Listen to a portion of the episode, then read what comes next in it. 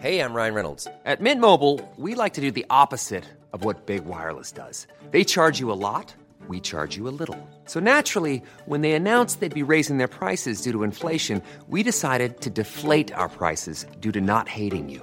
That's right. We're cutting the price of Mint Unlimited from $30 a month to just $15 a month. Give it a try at mintmobile.com slash switch. $45 upfront for three months plus taxes and fees. Promo rate for new customers for limited time. Unlimited more than 40 gigabytes per month. Slows. Full terms at mintmobile.com. Du lyssnar på Kärleksförsäkringen med Alex och Lisa.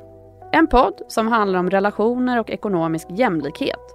Vi kommer att diskutera och debattera tillsammans med spännande gäster om hur familj, karriär, relationer och ekonomi ska samspela. Hur kan man bli mer jämlika som föräldrar? Vad är nyckeln till ett framgångsrikt förhållande? Och är det möjligt som kvinna att have it all? Under resans gång kommer vi tillsammans med våra experter att få tips och kloka råd hur man hanterar ekonomiska frågor i en relation. Med mig sitter Alexandra. Hallå, hallå. Och jag heter Lisa. Nu kör vi!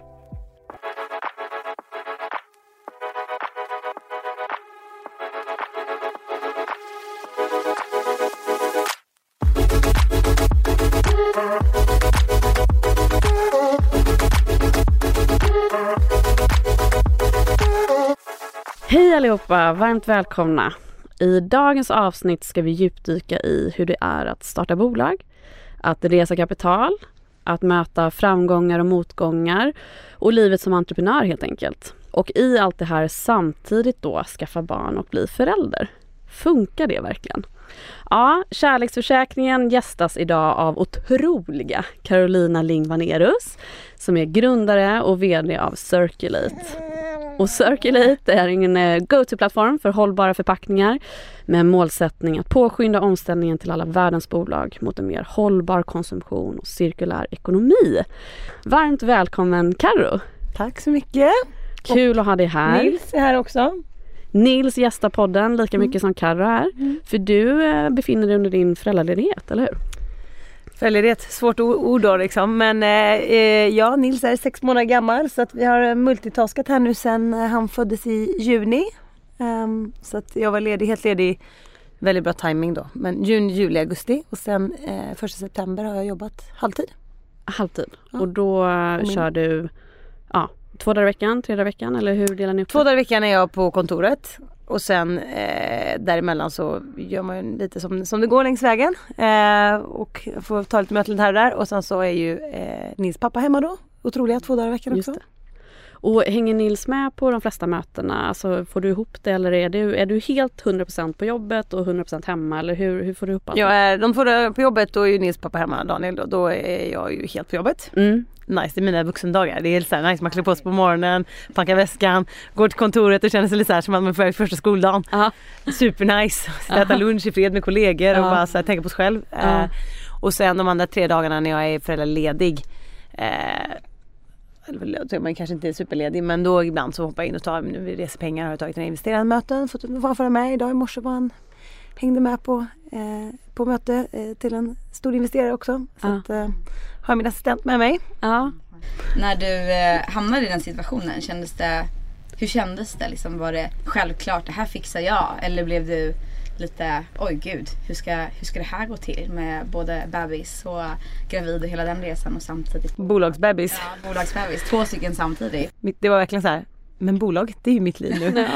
eh, så att eh, det var lite panik i början och också kanske det Också för många vänner som det har varit lite svårare för så därför tog det nog sex månader innan jag faktiskt fattade att så här, shit jag ska få barn också. Mm. Så att det var barn, barnmorskan som satt där och bara så här, men, men nu är det nog ändå bra om ni ställer in er på att det faktiskt nog kommer komma ett barn här om tre månader. För det var så här, ja, ja men det kan ju gå som det går, man vet ju aldrig och det är dumt att ta ut någonting i förväg och så här, och expectations management och eh, sådär. Så att, eh, men det, det är ändå tur att en graviditet ändå är nio månader så den hinner liksom sjunka in lite. Och, eh, jag menar, som jag inte erkände för mig själv så också ta väldigt sent innan man faktiskt erkände det för, Mm.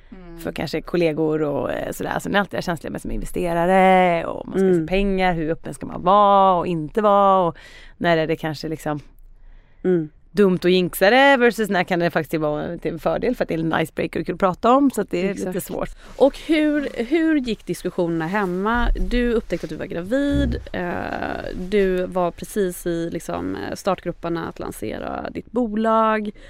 Hur, Skulle ha bröllop. skulle ha bröllop. Ja, det, det är Bodde väldigt många bollar i luften. hur, hur gick diskussionen hemma med din partner då? Eh, Men jag tror för oss har det alltid varit självklart att vi ska dela helt lika på föräldraledigheten och för mig handlar det om att dela lika på föräldraskapet. Alltså, Mm, mm. så här, ska vi ha barn då ska vi ha barn tillsammans och vi båda är väl lika intresserade av att umgås med barnet och lära känna barnet och, och ta liksom, dra vårt Dels att man drar sitt lass, Ja, sitt lass men också det här med att man vill lära känna barnet på lika villkor. precis. precis.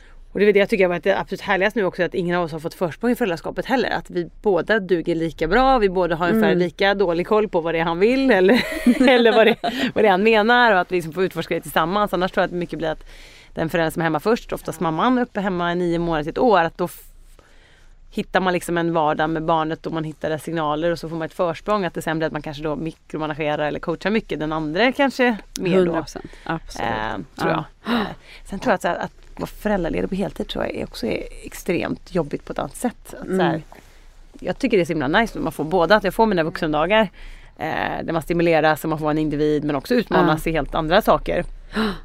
Så att jag, när jag går till jobb, jag längtar ju att få gå till jobbet. Så när man går till jobbet så är man på jobbet hela dagen. Så kommer man hem vid sex, halv sju eller om de passar på när man är där. Mm. Då längtar jag också efter att få vara hemma hela dagen nästa Mm. dag. Och tycker det är skithärligt att vara hemma ett par dagar. Och sen när man varit Mm. hemma ett par dagar så känner man så här, "Usch, vad nice det ska bli att få sin vuxendag imorgon. Det låter ju som du knäckte. Ja. Ja, jag tycker det känns väldigt bra. Eh, Men och hur, känner du att du står ensam i, i den här lösningen att dela 50-50 eller känner du att många i ditt eh, i din närhet och umgänge gör jag är så ganska inspirerad av det. Jag tror det är fler och fler, kanske framförallt då där kvinnan också har en, en, en ambitiös karriär och tycker att det liksom är, är viktigt och där också man mår bra av att gå till ett jobb. Mm. Eh, så tror jag det är mer vanligt att man faktiskt gör 50-50 parallellt och att det inte är 50-50 först den ena och sen den andra. Utan att man kör, eller, många kanske kör det i en övergångsperiod också. Mm. Men första tre månaderna var jag hemma heltid över sommaren. Mm. Dels för att det var sommar eh, och för att man behöver också, kroppen behöver återhämta sig lite grann. Mm. Eh, så jag tror att man kanske först tar i alla fall tre månader eh, ledigt men sen hälften hälften då. Jag tror det kommer mer och mer bli vanligare och vanligare. Mm. Eh, och hoppas att vi kan inspirera till det också för att jag tror att det verkar också ganska jobbigt i det fall att man kör först den ena sen den andra. Att för ens partner att gå hem vid en nio månaders eller 12 månaders. Det Mm. verkar också jobbigt på riktigt. Exakt. Nu Ja. när de är så här små, det är ganska mysigt att vara föräldraledig och du kan gå ut och äta luncher och de är ganska, Ja. kan ta med dem lite här och var. Så jag tror att det är också ganska kul att få följa alla Mm. faserna. Men berätta lite mer om Circulate. Alltså vi har ju träffat varandra i sammanhang när ja, men female founders och liksom entreprenörer och ja, men hamnat i, i forum där vi eh, hjälper varandra. Eh, men hur, jag tycker det är intressant hur man som, som grundare och VD och liksom får barn samtidigt som man startar ett bolag. Alltså hur förhåller man sig till det och sina anställda? För du har ju ett gäng hos dig, eller hur? Och hur, vad, sätt, vad har du för ambitioner att sätta liksom kulturellt in i bolaget vad gäller de värderingarna du har här nu i familjelivet? Nej, men jag tror om man eh, vill anställa folk som är mellan 30 och 40 då kommer folk behöva vara föräldralediga. Ja. Liksom. Mm. Eh, jag vill gärna se en värld där det är lika stor risk eller chans oavsett kön. Att anställer jag någon som är mellan 30 och 40 så kommer den personen vara lika mycket föräldraledig Mm. oavsett kön. Eh, för då tror jag det också som arbetsgivare att det blir enklare att veta att så här, Oavsett om det är en tjej eller kille så kommer båda förmodligen vara föräldralediga och förmodligen kommer de borta i sex månader var. Mm. Och ska man planera för det. Det blir väldigt mycket jobbigare ifall det är så att alla tjejer anställda ska vara hemma ett år och killarna Mm. tre månader. Ja men då förstår jag att man hellre anställer killar. Liksom. Så det funkar ju inte. Eh, Men så att vi är väldigt tydliga, eller jag är väldigt tydlig med att promota att det är klart man ska kunna vara föräldraledig och då får man också lite rollmodeling att jag lyckas vara det då i tre månader eh, och sen dra igång på halvtid och också inspirera till det här deltidskonceptet. Mm. Men sen också väldigt tydlig med att här, jag stått absolut föräldraledig i sex månader. Sen tycker jag att du ska komma tillbaka till jobbet Ja. och så får din partner gå hem. Ja. Om man inte vill köra parallellt. För att det här med, med att någon ska vara hemma ett år och den andra inte hemma mer än tre, fyra månader. Eh, dels tror jag att det är synd att från barnets perspektiv att man liksom stjäl tid Mm. från barnet att få faktiskt bonda med båda sina föräldrar. Eh, Jag tror det är ganska lätt att som mamma man går hem ett tag så är det så mysigt och man bara ja men jag är gärna lä- lä- längre och det tror alla är. Så det är klart som fasen jag hade velat vara ledig längre. Chill och vara ledig. Alltså, så här. Det är ingen som inte vill det. Nej. Men det är också ett extremt lyxigt privilegium att kunna få vara le- ledig så länge som vi är i Sverige. Jag tror nästan Ja. det är ett problem i Sverige att vi har för generös föräldraförsäkring. Som tyvärr håller oss i fatet. Så är det faktiskt. Det kan man se på statistiken om man Ja. jämför med våra nordiska grannar som har kortare. Ja. Och då delar man mer jämnt. Om man har kortare och öronmärkta Ja. Spanien har ju nu infört eh, den mest jämställda i världen tror jag. De har fyra mån- månader per person. Sen är kanske fyra månader lite kort. Jag skulle gärna säga att man kanske har sex månader per person då. Men just att det är med, den är helt liksom 50-50. Sen kan man väl inte ta sin då. Men det här när någon går hemma ett år, ett och ett halvt år och så har du tre barn. Då har du inte jobbat på tio år. Eh, och ingen är borta från jobbet den perioden. Men du lär dig ingenting på jobbet. Du kan inte vara chef till en grupp och, och eskalera det om du aldrig är där. Liksom. Nej, Eh, nej. Så att, då blir det att man kliver av tåget. Så jag tror att så här, det vi vill promota är liksom att, att, att visa att alla ska kunna vara föräldralediga. En rimlig mängd. Eh, och, och liksom så. Och sen, men sen också att man som arbetsgivare vill dela på den förlusten ihop med partners arbetsplats också. Så att det inte bara blir jag som arbetsgivare som ska ta hela smällen för Nej. en föräldraledighet. Så att jättegeneröst i sex månader och sen ska man tillbaka. Men jag vet på en tidigare arbetsplats som jag var på då när man kom tillbaka från föräldraledigheten då visste man inte om det fanns ett jobb kvar. Det fanns ju alltid ett jobb för de var tvungna att erbjuda. Men det var aldrig samma som man lämnade. Och då blev det ju som antingen då, ja men som man, då är man så här, då får jag vara borta jättekort. För jag är inte villig att riska. Men som kvinna så gav man upp det. Och det var de två vägarna, var väldigt tydligt. Så där finns det mycket för arbetsgivaren. Ja, för det är många som också går in i ett mindset att så här, men nu ska jag utvärdera mitt eh, val av arbete och min arbetsgivare och nu kanske jag byter också. Att man tar mammaledigheten till att så här, gå på intervjuer och byta. Jag tror i början gör man inte det. Jag tror det på, när man har varit borta länge så tror jag, jag tror också det är ett effekt av föräldraledigheten. Att när du går på föräldraledighet tänker du inte kanske inte så om du inte vanligtvis innan. Jag tror snarare att du har varit hemma ett halvår, åtta månader, nio månader. Att det har gått så länge att du har hunnit tappa Momentum där. liksom. relationen till Ja. jobbet. För man ser också att alltså, anledningen till att vi inte byter jobb och stannar kvar på jobb länge det är oftast relationen till dina kollegor. Exakt. Träffar du inte dina kollegor på så länge så har du liksom tappat, glömt bort att Mm. du gillar en del av det gänget tror jag. Ja. Men jag tror det här med att man tappar sin roll, det tror jag är viktigt också. Så här. Och nu plötsligt sitter man på andra sidan som arbetsgivare. Jag kan ju inte heller blockera en roll till någon som tänker vara hemma ett och ett halvt år eh, Nej. varannat år i, i tio års tid och ska jag öronmärka en roll. Då är det så här, men sorry då får jag nog ha, en, ha dit någon annan. Och det är inte att man Ja. inte unnar folk att vara föräldralediga men man kan Ja men om jag skulle behöva, nu behöver jag inte det nu då, men till exempel om jag skulle behöva ha en CFO. Men CFO tänker aldrig vara på jobbet Det går inte. för att vara föräldraledig. Alltså, jag, jag behöver ju fortfarande ha en CFO som är där och gör jobbet och jag kan ju inte leva på vikarier heller. Så det funkar kanske om man är borta ett halvår, ja men då kan man fördela ut på andra eller man kan ta in någon, någon interim och sådär men det interimförlossning är också svindyra liksom. Så att är man borta ett halvår tror jag det funkar men tänker man vara hemma med ett år och sådär då, tycker- då, då är det också svårt att förvänta sig att man faktiskt ska ha sin roll när man kommer tillbaka för att så länge kan inte man som arbetsgivare tyvärr vara utan någon. Liksom. För jag har ju anställt dig för jag tyckte du var så himla grym. Inte för att någon eventuell vikarie kommer vara så himla grym på att göra ditt jobb. Ja. Och om så så blir det också jobbigt. Ja, ja precis. Då kanske jag hellre har vikarien i slutändan. Men känner du, alltså vi, vi är så imponerade av vad du eh, gör och liksom ditt bolagsbygge och vi, eh, vi rådfrågar ju mycket till dig. För vi håller ju själva på och, och bygger bolag för första gången. Och, eh, ja, det, det är ju verkligen en resa. Men hur eh, känner du att du har stött på liksom det här med att bara vara hemma då tre månader? Får du försvara? Får du försvara mycket av de här valen du gör? Nej, men jag tror att jag hade nog gärna varit hemma sex månader heltid. Eh, men det är ju så här, det- är ju tyvärr så du kan ju inte göra två, alltså det är två kul grejer samtidigt och det betyder att jag var borta från mitt jobb. Jag hade gärna varit hemma med din sex månader heltid. Ja. Men det har betytt att jag har varit borta från mitt bolag sex månader heltid och det vill jag inte heller. Så Nej. att för mig har det varit att jag har velat göra två saker samtidigt. Det är ju svårt liksom. Eh, då får man ju försöka kompromissa lite Ja. eh, med sig själv. Eh, sen tror jag så att vi, jag tänker vi ska ta en månad i vår. Eh, I mars tänker jag vara helt ledig en månad till. Eh, och sådär, så att jag tror att jag kommer plocka hem detta över tid. Ja. Absolut. Mm. Även om jag inte tar allting nu på en gång. Och där tänker jag också att han blir ju roligare och roligare att umgås med också senare. Så att man måste ju inte ta allt på en gång i början. Nej. Men jag tror bara det här med att man skapar så mycket stress i sitt liv. Att man, och man vill allt. Och Mm. jag vill allt. Jag vill vara mitt bolag hela tiden. Jag vill vara mitt barn jättemycket. Jag vill liksom göra alla de här grejerna. Och, och tyvärr Mm. kan man inte få allt. Men istället då för att hela tiden försöka stressa ihop, få ihop allt. Att dra ner på ambitionerna då. Liksom. Mm. Att så här, tre dagar i veckan får jag det här. Två dagar i veckan får jag det. Mm. Så här, alltså att man får liksom nöja sig med det man kan få ihop för att det går inte att göra allt. Och Jag tror att det bästa som hände mitt bolag var faktiskt att jag skulle få föräldraledighet. För Jag tror det är väldigt lätt som grundare och VD att bygga in sig i allt, allt, allt. Alla beslut, alla grejer, alla, alla saker som ska göras. Man tar på sig väldigt mycket, man vill vara med i alla beslut, man vill liksom eh, känna sig också inloopad i allt. Eh, och då blir det inte ett skalbart bolag. Nej. För du kan skala upp det själv. Eh, oavsett vem vi är så har vi ju bara 24 timmar per dygn och Mm. sju dagar i veckan. Så att, jag tror det var jättebra för Circulate var att veta då i nio månaders tid att så här, nej men det här bolaget måste kunna springa utan mig. Eh, så då har jag sett till att jag alltid har fått bygga, bygga upp team som jag litar på 300% som är mycket bättre på det de gör än vad jag är. Och också se till att mandatet är utfördelat, att alla har liksom svinduktig liksom, ledningsgrupp, så så jag säga. Men jag har en svinduktig ledningsgrupp där alla är liksom King of the Kingdoms och har fullt mandat och förtroende att, att i slutändan fatta de beslut de behöver fatta och med budgeten som de har. Sen finns jag alltid till att sparra och bolla och se till att det synkar mellan områdena. Men de måste känna att det som i slutändan är upp till dem och också känna att förväntningar finns på att de ska kunna driva här, sina olika områden själva. För det är så ett sådant ett skalbart bolag, då måste vi kunna springa parallellt allihopa. Kan inte ha en, en VD som ska vara inne och peta i allt hela Det är tiden. svårt för dig att släppa den kontrollen.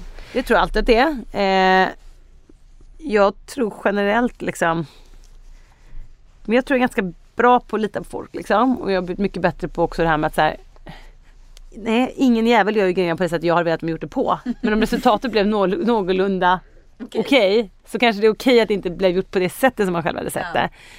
Och den här tror jag också att man kan inte få allt igen då liksom. Att här, jag kan inte, om jag tar tid att sitta 12 timmar om dagen och göra allting då måste jag släppa det. Och jag tror det är som att låta den ambitionsnivån. Och det är typ så jag hade varit på en sån här CEO, CEO offsite här nu med några andra startups som vår huvudinvesterare har. Eh, och många som pratar om det här liksom med skalbarheten och att man det här med att man måste liksom våga släppa taget och sånt. Och så sa jag så här, det bästa du kan göra är att gå, gå en parental leave. Ja, men alltså det, var- jag tror det var ett, men alltså Ja. det har varit så bra för nu är vi, Gud, vi ja. gerade uppsatta på ett sätt att vi kan springa Ja. så fort. Eh, Gud, också att man intressant. tvingas då anställa folk som man verkligen känner är så här duktiga och självgående. Ja. Annars kanske man kanske tar folk som man tycker så här, ja men jag Ja men de här är bra på att exekvera men jag kommer ändå alltid vara där och ha koll. Ja. Men om man vet så här, nej men jag känner jag mig trygg med att faktiskt lämna över till den här personen i tre månader och komma tillbaka och veta att det, här, det kommer gått skitbra. Ja. För det där har jag sett flera gånger hända när grundare är med under en liksom tillväxtfas eller tillväxtresa i bolaget. Och så kommer det oftast alltid till ett stadie där eh, om man inte lyckas fördela ut exempelvis mandat då, då kommer bolaget inte lyckas. Då, då går, börjar det gå dåligt. Och det är så vanligt att det sker för att man känner att men det- dels tror jag att man känner att det är min bebis. Jag vill att det här ska bli så bra. Jag lägger min själ och mitt hjärta i det här. Eh, men också att, nej men att man, har ju, man är ju kanske per, liksom, per definition den som har mest kunskap om ämnena och då gör man sig själv liksom, outbytlig i, i det. För det finns ingen som Otroligt sårbart. Ja. Ja. Sårbart och inte Ja. skalbart. Och inte skalbart.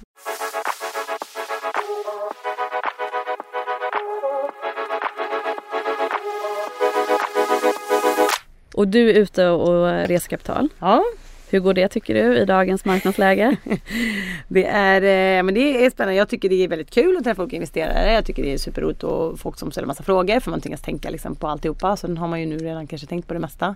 Mm. Första frågan har man redan fått. Eh, det är superspännande.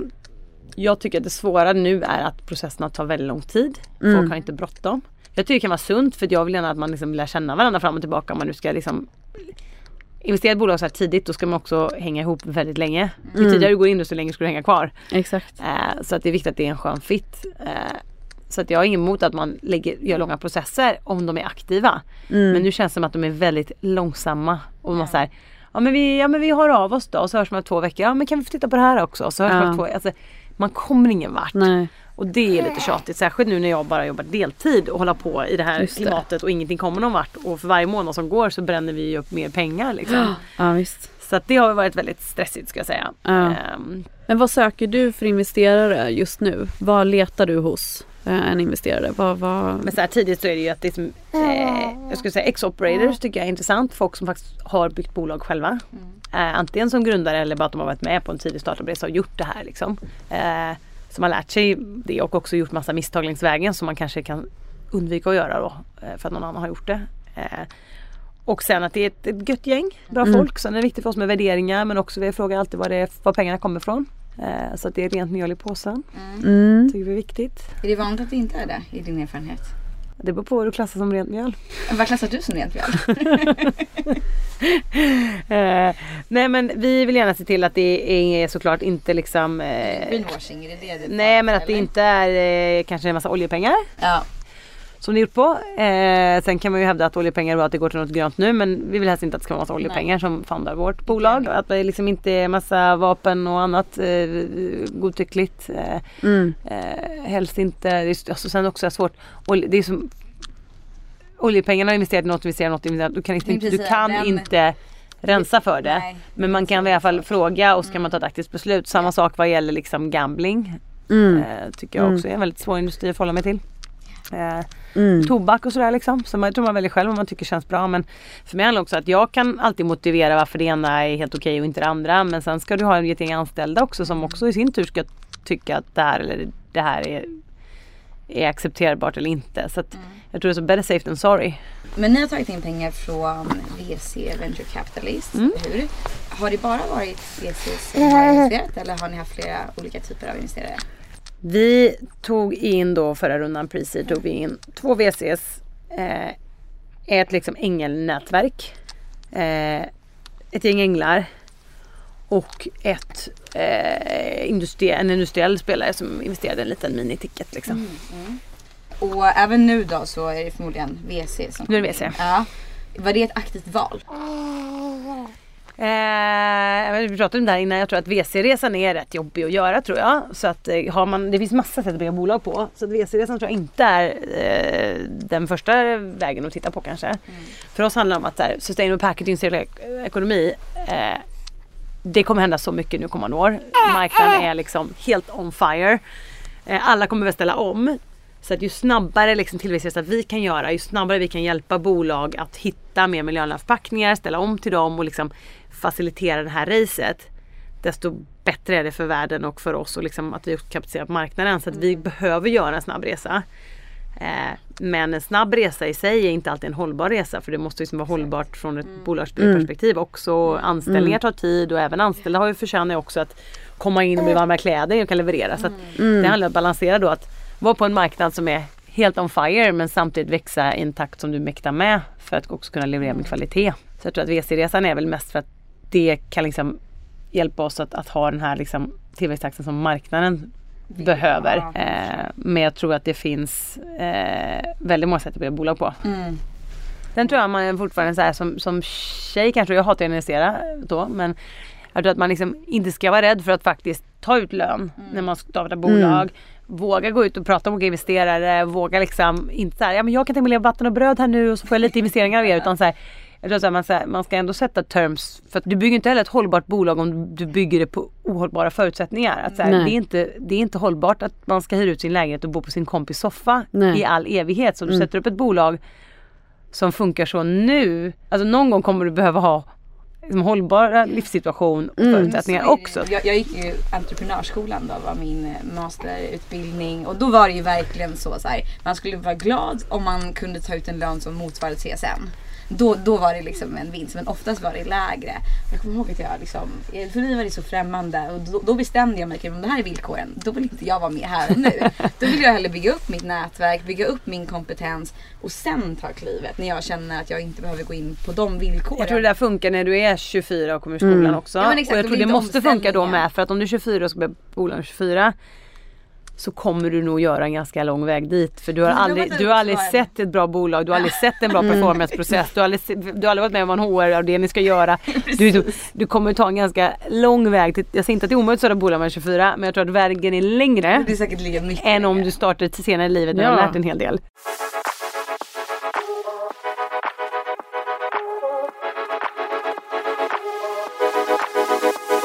Ja, men det är många tycker jag som man har haft dialog med och som säger att ehm, oj vad modig du är. Gud, jag hade aldrig vågat. Det har jag också men alltid bara från kvinnor. Mm. Men vad är folk rädda för då? Ja. Ja men det är väl den här risken Ja. och eh, att man sitter i en familjesituation och det handlar inte bara om en själv längre.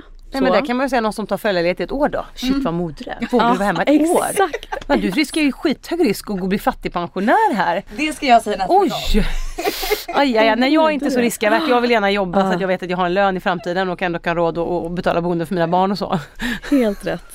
Men det känns som, ni har ju knäckt då eh, den här frågan liksom kring hur man delar upp en bra föräldraledighet eh, sinsemellan och också, alltså mycket utifrån vad jag hör på dig nu att det handlar om att båda ska få lika mycket tid med lillen liksom i de olika faserna som, som Nils faktiskt befinner sig i. Jag tycker det är svinnice liksom. Så liksom bort med det här att eh, nej men pappan är helt oviktig första året. Men jag har ju hela i sex månader. Ja. Eh, men då har jag puppat så de dagar jag är på jobbet så puppar jag. Sen tar jag med mig dem hem och fryser in. Mm. Och nästa gång jag är till jobbet då finns det då och så nästa gång pump så rullar det så liksom. Mm. Det går alldeles utmärkt. Ersättning är också bra, givetvis. Ja absolut för de som inte kan amma. Ja, ja, Precis. allt, allt, alla, allt som funkar funkar och, Ja. inte, och mycket funkar inte alls och då får man lösa det också. Exakt. Lösningsorienterad kanske. Men många frågar mig också så här, men så här, "Oj, jobbar du två veckor, hur funkar det? Bara, It works because it has to work. Och det är ju så Ja. vi människor är. Alltså så fort någon, vi måste lösa något så löser vi ju det. Ja. Eh, Och det ser man framförallt i kristider och, och krigstider liksom. Att så här, Mm. vi är extremt anpassningsbara och vi löser grejer. Vi är lite bekväma. Eh, Mm. Måste vi lösa saker för att det vore bra om vi löste dem, kommer inte lösa dem. Men måste vi lösa saker för att vi måste, då löser vi dem. Ja. Nej men det finns ju ändå de, de eh, länder i världen där man är hemma liksom två veckor innan man då ska gå tillbaka till sitt jobb. Ja och vi Eh, ser inte då att det är 100% i depression och liksom hemskhet Precis. som de här barnen utsätts för utan det verkar funka nej, det med. jag, det, tänker Nej, men mycket är så här- mammorna där jo. då, att det, två veckor kan ju vara kanske lite. Jo men absolut och så här, det är inget att promota men jag menar så här, det är liksom men det här med att det är för så farligt för precis. barnet hit och dit och barn hit. Alltså så här, glada föräldrar ger glada barn. Det tror jag med. Helt riktigt. Men du avslutningsvis då, vad, vad skulle du säga till, eh, till personer där ute som eh, är gravida och också står i tanken om att eh, starta bolag samtidigt? Vad är dina liksom, tre tips för, eh, för att eh, hitta det här modet då? Eller hitta kraften att, faktiskt, eh, att man faktiskt kan göra det här eh, samtidigt och att det, det kommer gå bra? Nej, Men jag tror att det handlar som jag sa innan med naivitet liksom. Att så här, inte se alla sätt som saker inte kommer funka. Det är, så här, ja, det är klart det här kommer gå bra och det är klart det kommer lösa sig och jag kommer nå massa hinder men det enda jag vet är att jag är en jävel på att lösa hinder när de, när de kommer. Liksom. Och att det kommer aldrig vara bra timing. Det var många som sa till mig liksom att så här, Mm. Jag bara, åh det är sämsta timingen. Så här, det kommer aldrig vara timing. För att hade jag fått barn ett halvår senare då hade det varit mitt i, mitt i fundraising. Jag hade fått barn, det är inte gott. Hade jag fått ett, ett år senare då hade det varit mitt i någon lansering. Och hade det varit ett och ett halvt år senare så var nästa fundraise. Alltså, så här, det är aldrig bra Nej. timing. Och, så här, man får bara göra det och se till att lita på att så här, det kommer funka för jag kommer se till att det funkar. Eh, men också lite så här, ja, men vad är det värsta som kan hända då? Det värsta som kan hända, ja det är att det här bolaget går i putten. Vilken fantastisk resa vi har gjort. Shit vad vi har lärt oss.